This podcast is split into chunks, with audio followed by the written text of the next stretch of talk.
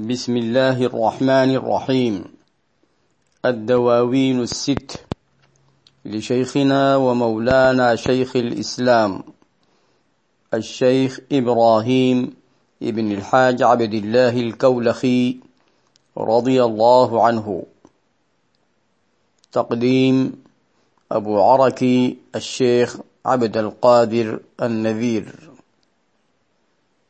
الحلقة رقم اثنين وستين. صفحة ستة وسبعين من نسخة الديوان الذي نقرأ منه. قال رضي الله عنه حرف الغين. خليلي عرس عند قهوة رابغي. تبيت تراعي النجم من كل بازغ. وسر يومه فإن تبل لك قبة. دوين السماء تزري بنور البوازغ. تصلي على خير الأنعام محمد. فيلقى عليك الحق من كل دامغ لتنزل عن الأكوار وامش تكرما. ومرغ خديدا في الربوع وبالغي وعرج على بيري أريس ورومة.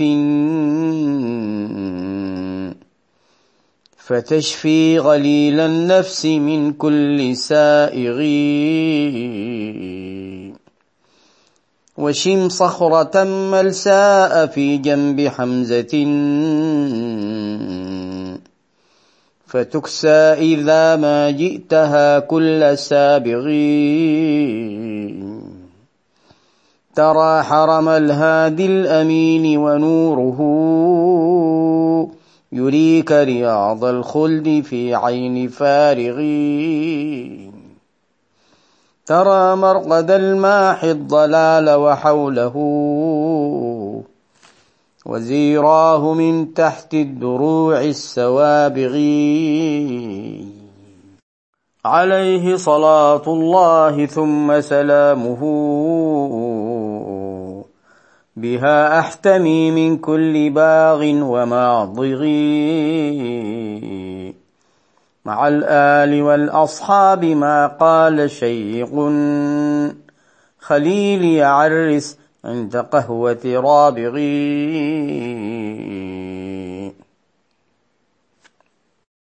أقول مستعينا بالله سبحانه وتعالى ومستمدا من أبوابه. قال الشيخ رضي الله تعالى عنه خليلي عرس عند قهوة رابغ. وهذا في حال مسيره رضي الله تعالى عنه إلى المدينة المنورة بأنوار الحبيب صلى الله عليه وعلى آله وصحبه وسلم. ينشد ويقول خليلي يخاطب شخصا معه أو متخيلا معه كما هي عادة الشعراء. مرة بالمفرد كما هو هنا خليلية ومرة بالتثنية كما هو في شعر الشعراء قفها نبكي وكما قال الشيخ رضي الله تعالى نفسه في بعض قصائده خليلي مرابي.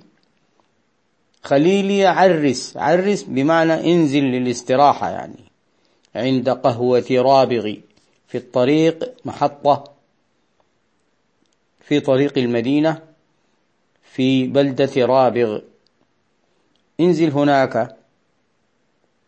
تبيت فيها حال كونك تراعي النجم من كل بازغ تراعي النجوم من كل طالع. لأنك في شوق وشغف إلى الوصول إلى حبيبك صلى الله عليه وعلى آله وصحبه وسلم.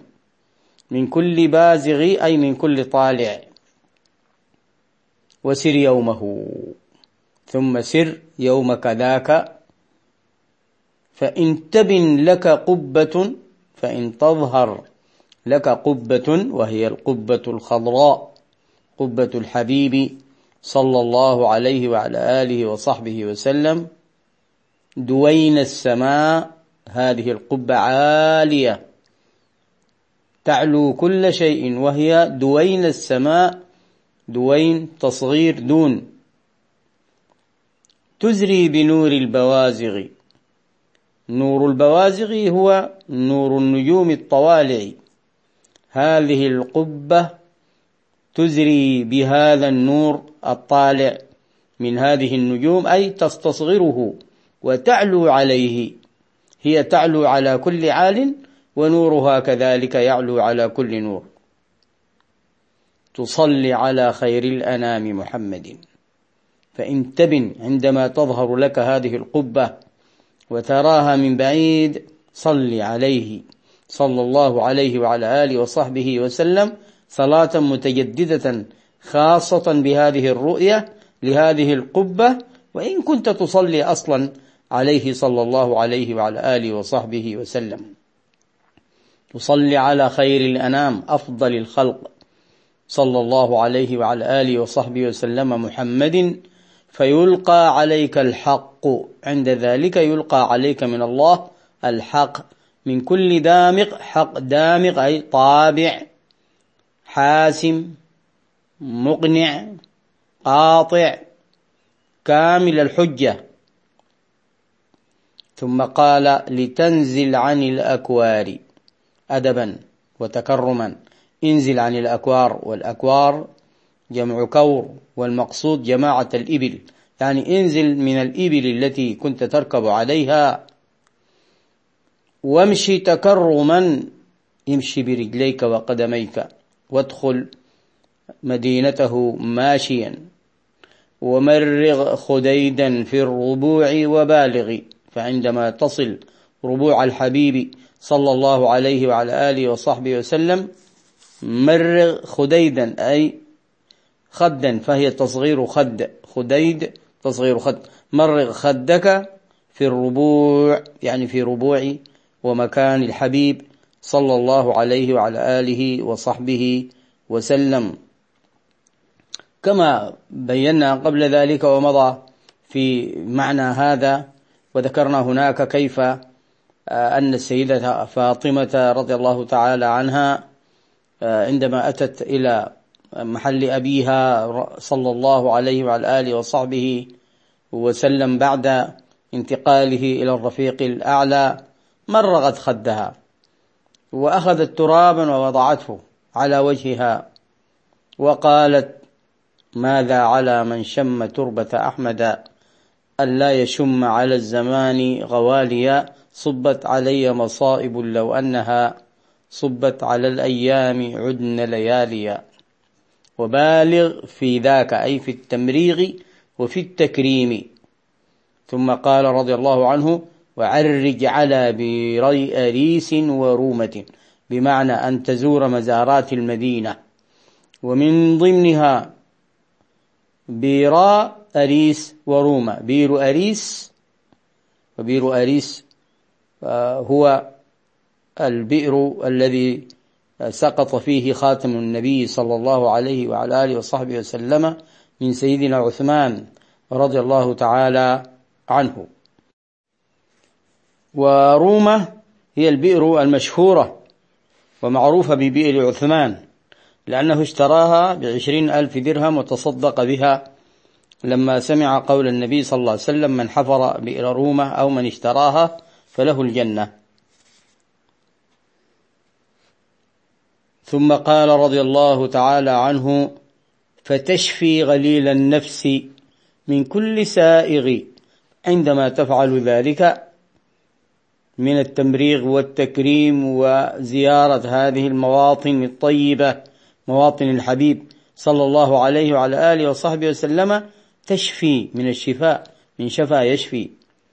هنا مكتوبة فتشفي بالضم ولكن هي فتشفي غليل النفس أي حرارة الحب والعطش الذي يكون في النفس من شدة الشوق يصير هناك شفاء من كل سائغ من كل طيب سهل بهذه المشاهد وهذه الزيارات التي فيها شفاء للسقام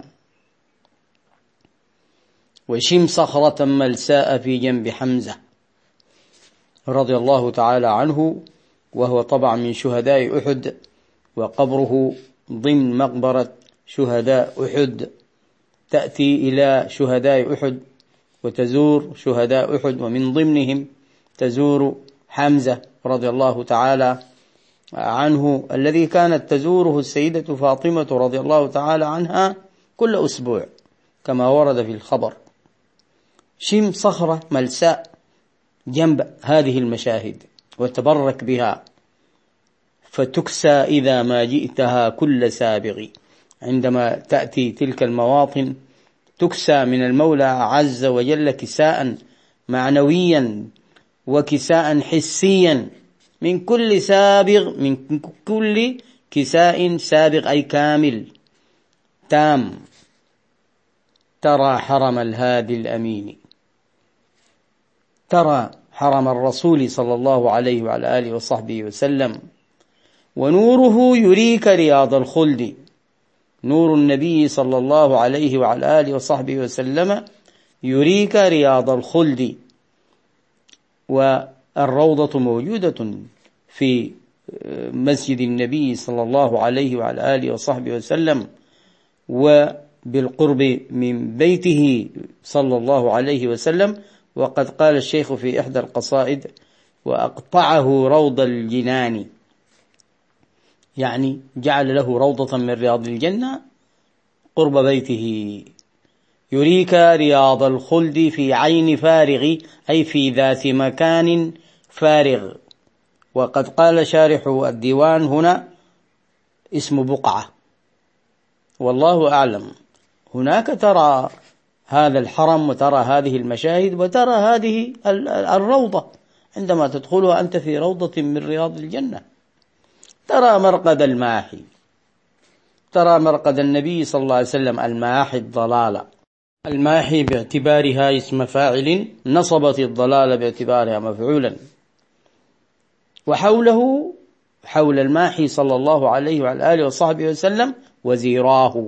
وهما سيدنا أبو بكر الصديق رضي الله تعالى عنه الذي دفن قرب الحبيب صلى الله عليه وعلى آله وصحبه وسلم وسيدنا عمر بن الخطاب رضي الله تعالى عنه الذي دفن أيضا هنالك وكان هذا المكان بالنسبة له أهم شيء كما ورد في صحيح البخاري عندما هو عندما طلب هو أن يدفن هناك وولده استأذن له من السيدة عائشة وأذنت له عبر عن ذلك فقال ما كان شيء أهم إلي من ذلك المضجع. أو كما قال رضي الله تعالى عنه